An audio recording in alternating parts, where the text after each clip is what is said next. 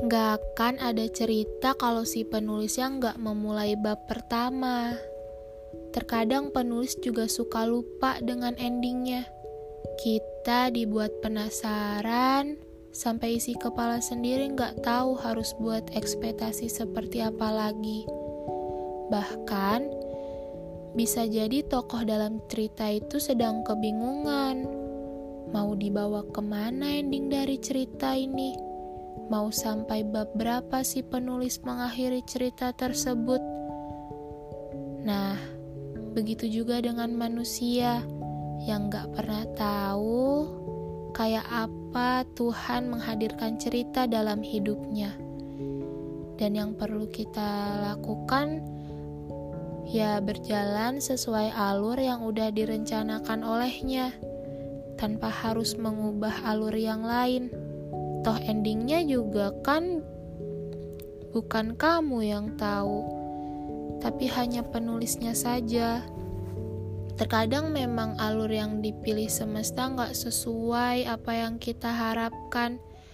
Tapi harus percaya kalau semua akan baik-baik aja ketika kita ngejalaninnya dengan ikhlas kita bisa berdiri sampai sekarang kalau bukan karena semesta siapa lagi?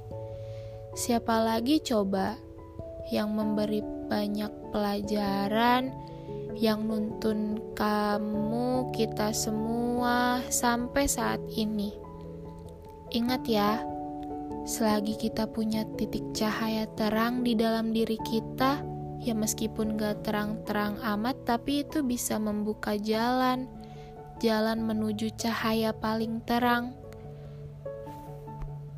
Intinya, kamu yang sekarang harus tetap jadi kamu.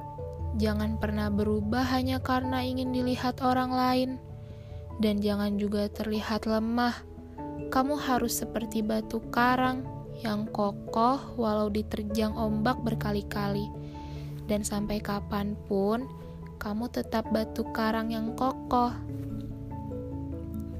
Jangan pernah capek ya buat jadi diri kamu sendiri, karena di masa yang akan datang lagi nunggu, eh, lagi ada yang nunggu sosok baru, sosok cahaya paling terang.